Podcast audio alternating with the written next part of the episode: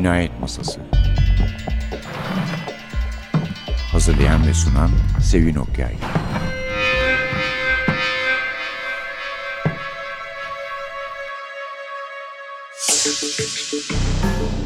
Merhaba.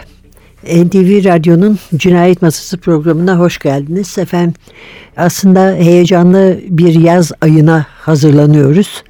Cinayet Masası açısından.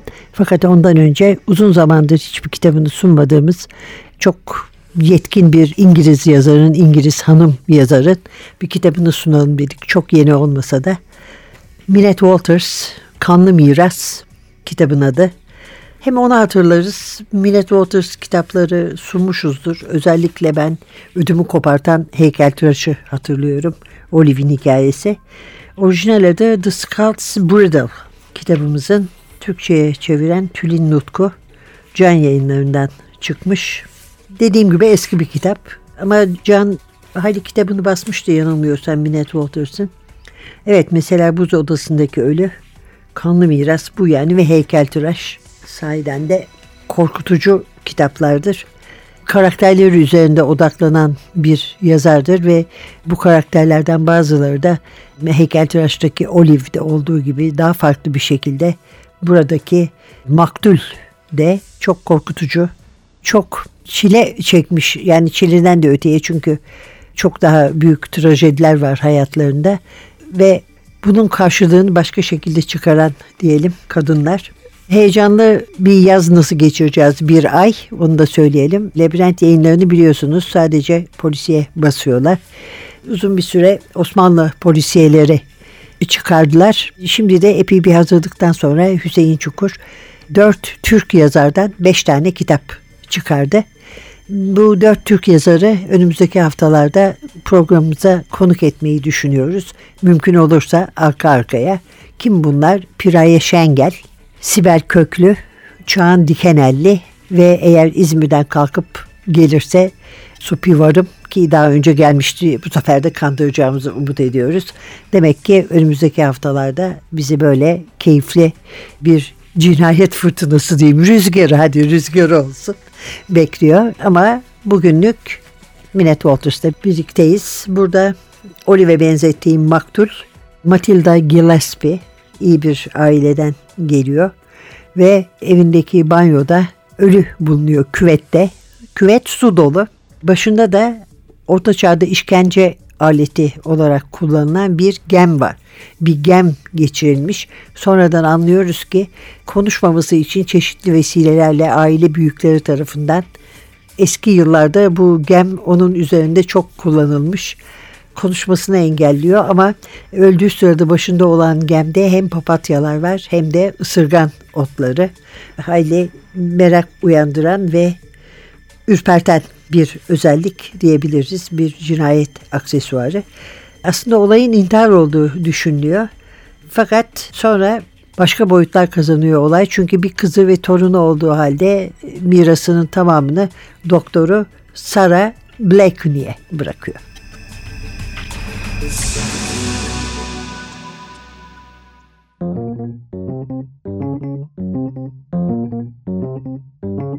you.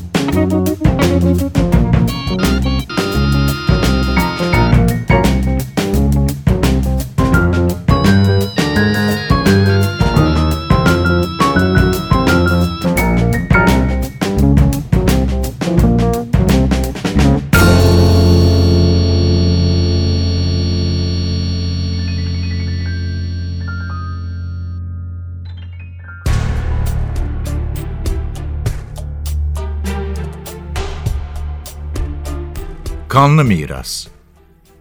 Doktor Sarah Blackney küvetin yanında durdu. Ölümün zafer olarak nasıl tanımlanabileceğini düşündü.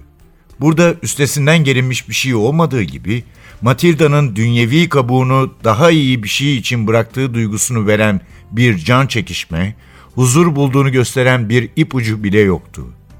Hiç de uyur gibi görünmeyen ölü bir daha uyanacak umudu da vermiyordu. Sera polisin sorusuna karşılık ağır ağır gerçekten ne düşündüğümü bilmek ister misiniz dedi.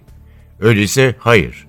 Matilda Gillespie kendini öldüreceğini düşünebileceğim en son insandı. Bulanık suyun içinde soğuk, kas katı görünen biçimsiz bedene baktılar. Kanı çekilmiş yüzü, kafes içine almış o korkunç düzenekten ısırganlarla papatyalar fışkırmıştı. Paslı metal uzantısı ise gemlenmiş ağızdaki ölü dili hala kıstırıldığı mengenede tutuyordu. Çürümüş kıvrık bir sürü çiçek yaprağı oraya buraya saçılmış, sıska omuzlarla küvetin kenarına yapışmıştı.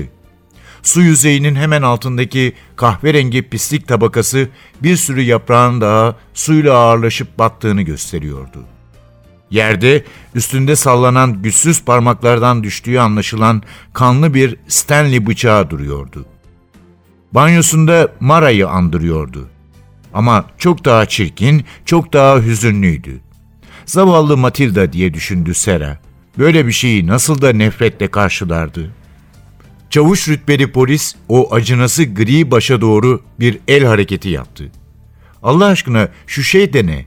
Sesi tiksintiyle pürüzlenmişti.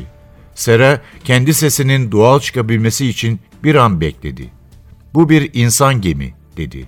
İlkel bir işkence gereci. Orta çağlarda birinin başının etini yiyen kadınların dillerine gem vurmak için kullanılırmış. Yıllardır Matilda'nın ailesindeymiş. Biliyorum öyle berbat görünüyor ama Matilda onu holdeki sardunya saksısının üstüne oturtmuştu. Süs olarak oldukça etkileyiciydi. Acıyla elini ağzına kapattı. Polis de beceriksiz bir tavırla omzuna hafifçe vurdu. Beyaz sardunyalar demir çerçeveden dışarı sarkardı. O tacım bu benim derdi ona. Boğazını temizledi. Oldukça hoş biriydi biliyor musunuz? Çok gururlu, soylulukla serveti çok önemseyen, çok hoşgörüsüz, hiç kimseyle öyle can ciğer kuzu sarması arkadaşlık etmeyen, ev çekip çevirme dışında eğitim almamış olmasına karşın aydınlık kafalı bir kadındı. Çok da iyi bir mizah duygusuna sahipti. Keskin ve doğal. Patolog düşünceli bir tavırla ot tacı diye yankılandı. Hani şu şiirdeki gibi. Ophelia oraya geldi garip çelenklerle. Düğün çiçekleri, sarı yaban otları, papatyalar. Bir de o uzun mor çiçeklerden. Şu çobanların söylemesi ayıp bir ad verdikleri. Genç kızların ölü parmağı dediği çiçekler. Orada çelenkleri asmak için belki. Hamlet diye özür dilercesine açıkladı polise. Ophelia'nın sonu. O derecesini kazanmam için ezberlemem gerekiyordu. Yaşlandıkça neleri anımsadığınız öyle şaşırtıcı ki. Küvete baktı. Bayan Gillespie Hamlet'i okumuş muydu? Sera mutsuz bir onamayla bir kez tüm eğitiminin Shakespeare'in külçelerini ezbere öğrenmek olduğunu söylemişti. Polis ansızın sert bir sesle konuştu. E, burada dikilip kadıncağıza bakmakla daha fazla bir şey öğrenemeyiz. Ophelia da öldürülmemişse. Doktor Cameron başını salladı. Boğulma nedeniyle ölüm, dedi. Düşünceliydi. Sağlıksız beyinden kaynaklanan. Sera'ya baktı. Bayan Gillespie bunalım falan geçirdi mi? Yaşadıysa bile hiç belli etmedi. Ölünün varlığından iki doktordan daha fazla tedirgin olduğu apaçık belli olan polis, Sera'yı sahanlığa kadar geçirdi. Zamanınızı aldığımız için çok teşekkürler Doktor Blackney, dedi. Bu olayla sizi karşı karşıya bıraktığım için üzgünüm. Ama doktoru olarak onu herkesten iyi tanıyor olmalısınız.''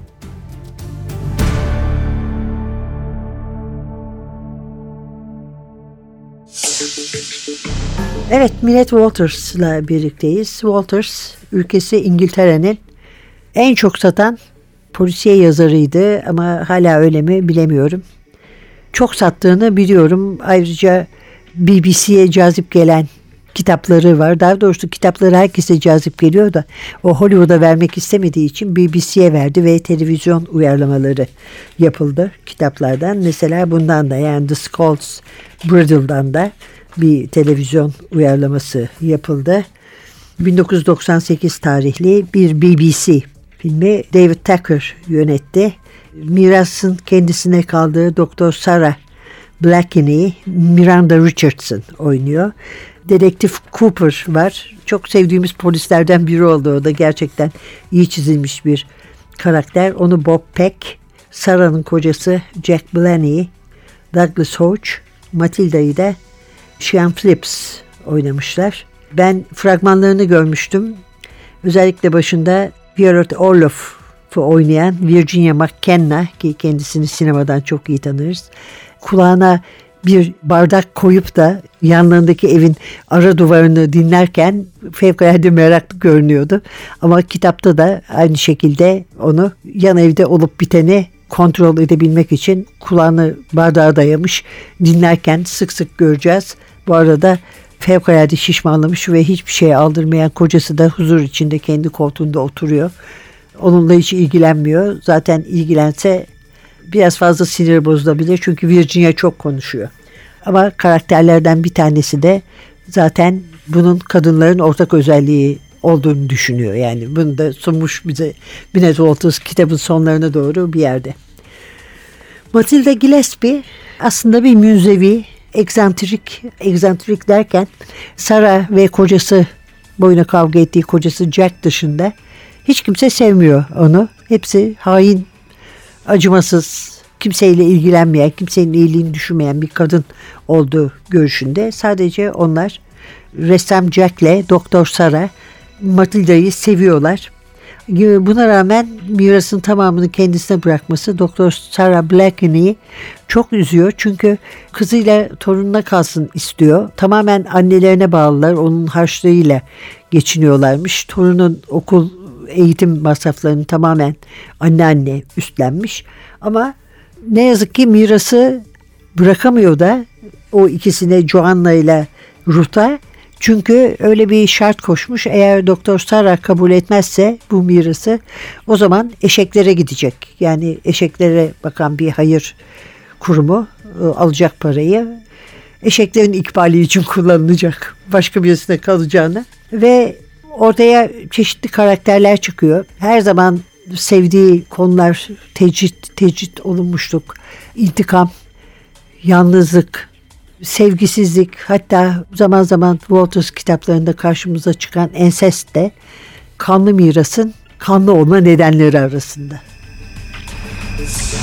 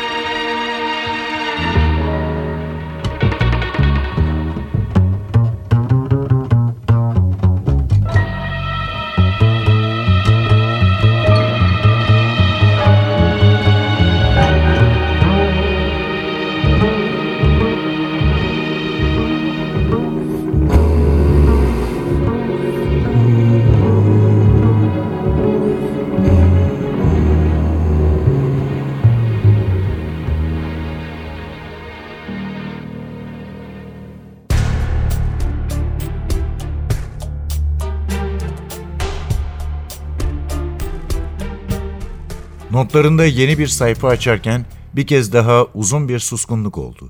Her zaman yaptığı gibi gözlüğünü düzeltti. Ne yazık ki hamile kalmıştım bile. Joanna evliliğimizden beş ay sonra doğduğunda da insanların en zekisi olmayan James bile çocuğun onun olamayacağını anladı. Ondan sonra da yaşam çok zorlaştı. Haklı olarak ikimizi de aşağıladı. Bu da çok çay içtiği zamanlarda şiddet sahnelerine yol açtı. Bu mutsuz durumu bir 18 ay daha sürdürdük. Ta ki hamdolsun James yurt dışında bir iş bulduğunu, ertesi gün bizsiz gideceğini söyleyinceye kadar. Gittiğine ne üzüldüm ne de ona ne olduğunu zerre kadar umursadım. Son derece tatsız bir insancıktı. Yaşlı gözler ekrandan aşağılarcasına kibirle dümdüz karşıya bakıyordu. Ama Sera'ya göre derinlerde başka bir duygu saklıydı. Matilda pek dürüst davranmıyor diye düşündü. Ayrılığını izleyen aylardaki zorlukları anımsamak şimdi ne kadar bezdirici geliyor. Paranın çok az olduğunu söylemek yeterli olacaktır. Steven öldüğünde Johanna da bu tür sorunlar yaşadı. Tek fark benim babam bana yardım etmeyi reddederken şövalyeliğini aldı ve köprülerin altından açıklama konusundaki gözdağımı zayıflatacak kadar çok sular aktı. Ben sana yardım ettim Johanna. Her ne kadar sen bana hiç teşekkür etmedinse de. Sonunda evden çıkarılma işi gerçeklik kazanınca Gerald'a yazıp kızına destek olmasını istedim. Bu anladığım kadarıyla Johanna'nın varlığını ilk öğrenişiydi. Alaycı alaycı gülümsedi. Mektubum onu yaşamının tek onurlu işini yapmaya yöneltti. Aşırı dozda barbiturat alarak intihar etti. Ne yazık ki bunu daha önce yapacak kadar saygıdeğerliği yoktu. Sesi nefretten gevrekleşmişti. Karar kazayla ölüm olarak kayıtlara geçti. Ama avukatına gönderdiği ve Johanna'yı tüm mallarının varisi yapan mektup açısından iki olayın birbiriyle bağıntılı olmadığına inanasım gelmiyor. Notlarının son sayfası olduğu görülen sayfayı çevirdi. Şimdi bu filmi yapmamı hazırlayan nedene gelelim. Önce Johanna. Sedirli evi hemen terk edip malları da senin üstüne yapmazsam her şeyi açıklamakla bana gözdağı verdin. Babanın mektubunu arama aklını kim verdi sana bilmiyorum ama tehlikeli bir gülümseyişle bazı kuşkularım var elbette. Ne var ki haklarına ilişkin çok az şey biliyorsun. Gerald'ın saçma sapan vasiyetnamesi, babasının bununla ona malın çıkarı uğruna bir yaşam verdiği, sonra da bunun en yakın erkek akrabaya, yani babama geçtiği gerçeğini değiştiremez. Ölmekle Gerald Cavendish, malları adına kardeşiyle onun varisleri üstünde sürekli bir çıkar sağladı. Bunu o da biliyordu. Onun o dokunaklı ek vasiyetnamesinin zayıf bir adamın görevini savsaklama suçunun bedelini ödemekten başka bir şey olduğunu sanmayın lütfen.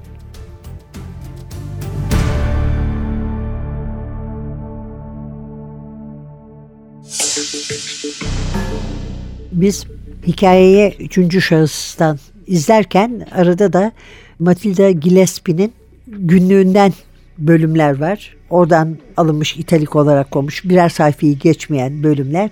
Kitapta daha sonraları bu günlüklerin kaybolduğunu ki 10 ciltlik bir Shakespeare külliyatı içindeymişler. İki cildinde kitapları varmış Shakespeare'in eserleri. Geri kalan 8'i boşmuş. O boş olan yerde saklıyormuş deniyor eski kocası. Eski kocası böyle bir bilgi veriyor. Neredeyse artık bu günlükler bu günlüklerden de parçalar görüyoruz. Dediğim gibi Dedektif Cooper yaşlı bir polis emekliliği yaklaşmış. Sezgilerine güvenen birisi. İnsancıl bir polis onun için kendisini seviyoruz. Biraz da Sara'ya zaaf duyuyor. Joanna yani Maktule'nin kızı ve onun kızı Ruth Matilda'nın bütün korkularını, düşüncesizliklerini, zalimliklerini almış gibi görünüyorlar ilk başta. Ama çok kötü bir durumdalar tabii. Onlara para veren insan ölmüş. Başka hiçbir yerden gelirleri yok. Üstelik Joanna'nın hayli masraf gerektiren kötü bir alışkanlığı da var. Ruth ise bir inşaat işçisi ile yakınlaştığı için okulundan atılmaktan korkuyor. Annesine açılamıyor. Sonunda nefret ettiği Sara'ya sığınmak zorunda kalıyor. Bütün bunları anlatmamın nedeni de kitabın hakikaten nispeten eski bir kitap olması. Çünkü esas niyetim Minette Walters'ı anlatmak.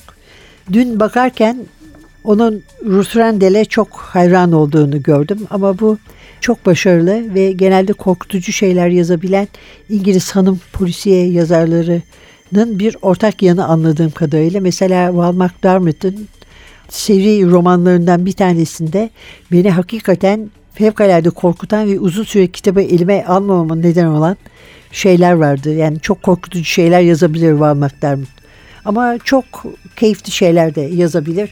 E, çünkü iki tane farklı seri kahramanı var. Birisi eğlenceli, öteki öt kopartan takımından ve Val McDermott da Ruth Randall'e hayrandır. O da tıpkı Minette Walters gibi onun hocaları, büyükleri, üstadeleri olduğunu düşünür. Eh doğrusu biz de biraz öyle düşünüyoruz. Ama gerek Walters, gerek McDermott, gerekse çok sevdiğimiz P.D. James ki komik bir durumları var ikisinin Ruth Randall'le. P.D. James mesela Lordlar Kamerası üyesiyken Ruth Randall de asalet ünvanı taşımakla birlikte Avam Kamerası üyesiydi. Karşılıklı oturuyorlardı. Ruth Randall biliyorsunuz Barbara Wine diye de daha da psikolojik kitaplar yazar ve çok güzel de bir serisi vardır. Buna karşılık Minette Waters hiçbir zaman bir kahramana tutunup kalmamış bir karaktere hiçbir zaman seri yapmak istememiş, yapmamış ve her kitabında ortaya yeni karakterler çıkarmış. Kolay mı zor mu diye düşünecek olursak bana kolaymış gibi geliyor. Çünkü bazı yazarlar tamamen karakterlerden yola çıkar. Yani karakterler üzerine olayları da kurarlar. E, Minette Walters da böyle bir söyleşide kendisinin tamamen karakterlerle başladığını ve kitabın ortasına geldiği zaman bile sonunda ne olacağını, kimin katil olduğunu bilmediğini, karakterlerin gelişmesinin buna karar verdiğini söylemiş.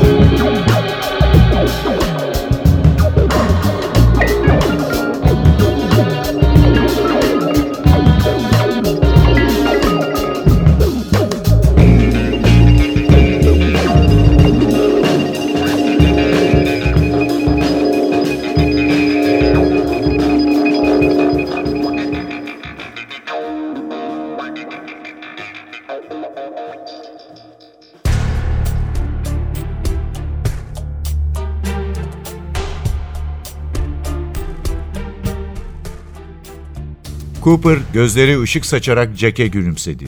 Sizden hoşlanıyorum Bay Blackney. Nedenini Allah bilir. Onu ilgilendirir mi bilmem ama karınızdan da hoşlanıyorum. Sizler konuşurken gözümün içine bakan doğrucu kişilersiniz. İster inanın, ister inanmayın. Bu da yüreğimi ısıtıyor.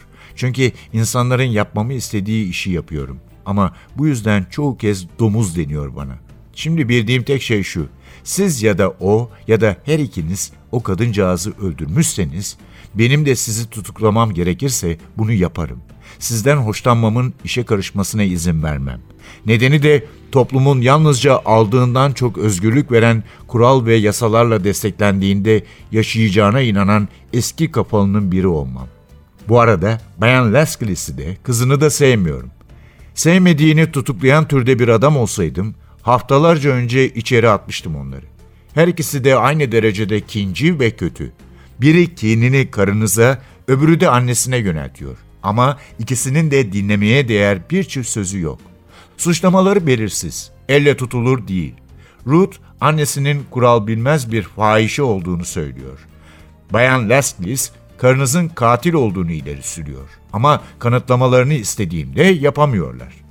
İzmariti çimenlerin arasına attı. Garip olan nedir biliyor musunuz? Sizle Doktor Blackney aranızda bu iki kadın ve onların Bayan Gillespie ile olan ilişkileri konusunda onlardan çok şey biliyor gibisiniz. Ama bir tür yanlış anlaşılmış özgecilik yüzünden konuşmak istemiyorsunuz. Belki de beş yıldızlı aydınlar arasında yaşamın yaralı yanına burnunu sokmak politika olarak doğru sayılmıyordur. Ama yanlış yapmak yok. İşi sürdürmemiz için bir şeyler daha bulamazsak Bayan Gillespie'nin ölümü çözülmemiş bir giz olarak kalacak. Bundan acı çekecek tek kişi de bilinen durumu nedeniyle Doktor Blackney olacak. Hastasının ölümü konusunda suçsuzsa bu ancak başka biri suçlu bulunursa kanıtlanabilir. Şimdi dürüstçe söyleyeyim bana. Karınızı polise yardım etmeme uğruna adının lekelenmesine göz yumacak kadar az mı düşünüyorsunuz? Aman tanrım diye gerçek bir coşkuyla haykırdı Jack. Şu portrenizi yapmama izin vermelisiniz. 2000. Öyle anlaşmıştık değil mi? Polis sabırla sorumu yanıtlamadınız dedi. Jack eskiz defterine uzandı, çabucak bir sayfa çeviri verdi. Bir dakika durun orada diye mırıldandı. Bir resim kalemi aldı, kağıda hızlı hızlı bir şeyler çizmeye koyuldu. Bu iyi bir konuşmaydı. Karınız sizin kadar dürüst, şerefli biri mi? Ciddiye almıyorsunuz. Aslında almıyorum. Jack resmine dönmeden ona bir an dikkatle baktı. Polisle toplum arasındaki ilişkinin amaçtan saptığını düşünmeye başlıyorum. Polis orada davet üzere olduğunu unutmuş görünüyor. Bu arada toplum yasaları kendini düzene sokmak için yaptığına göre onları koruma sorumluluğunun da onun olduğunu unutuyor. Bu ilişki karşılıklı olarak destekleyici biçimde olmalı. Onun yerine karşılıklı kuşkuyla düşmanlık var. Cooper'a yatıştırırcasına tatlı bir gülümsemeyle benim görüş açımı paylaşan bir polisle karşılaşmak büyüledi beni. Bir de hayır, Sera'yı onun adını lekeleyecek kadar az düşünüyor değilim. Gerçekten öyle mi görünüyor dedi. Buraya taşındığınızdan beri pek ortalarda görünmüyorsunuz. Çalışırken hiç çıkmam.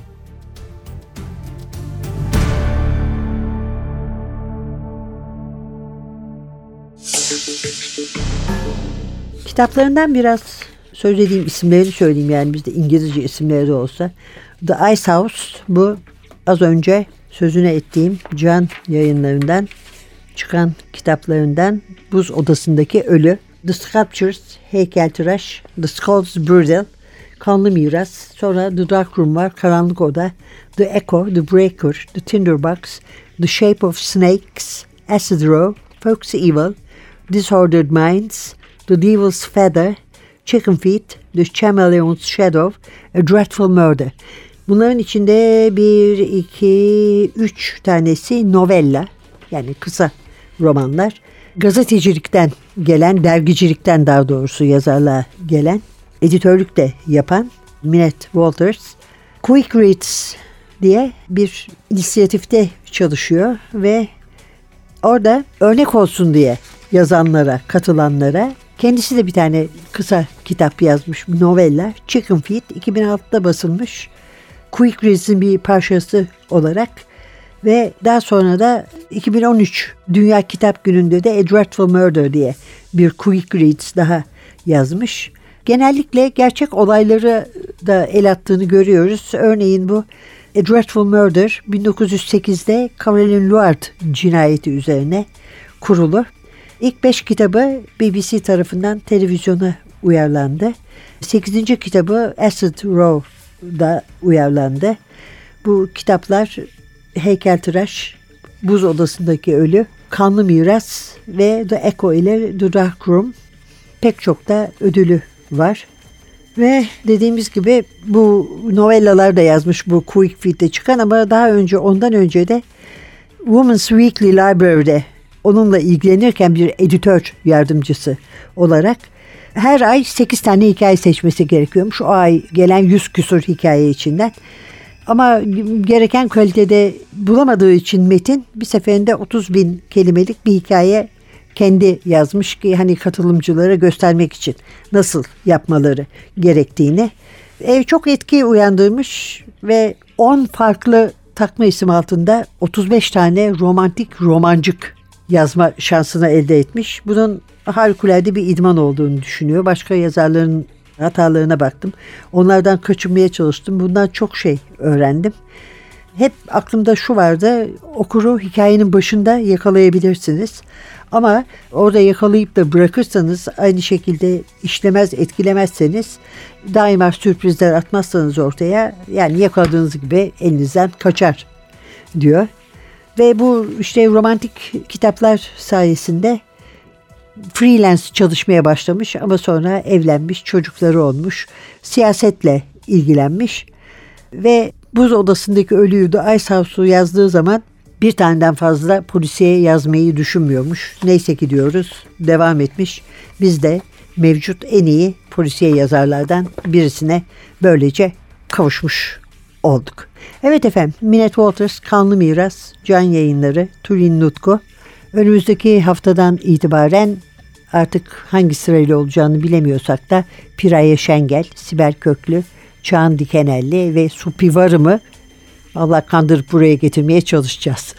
Yeniden birlikte olmak umuduyla mikrofonda Sevin Masa'da Hasan hepinize neşeli günler diler diyelim. Yani Minette Walters'ı dengelemeye çalışıyoruz. Hoşçakalın.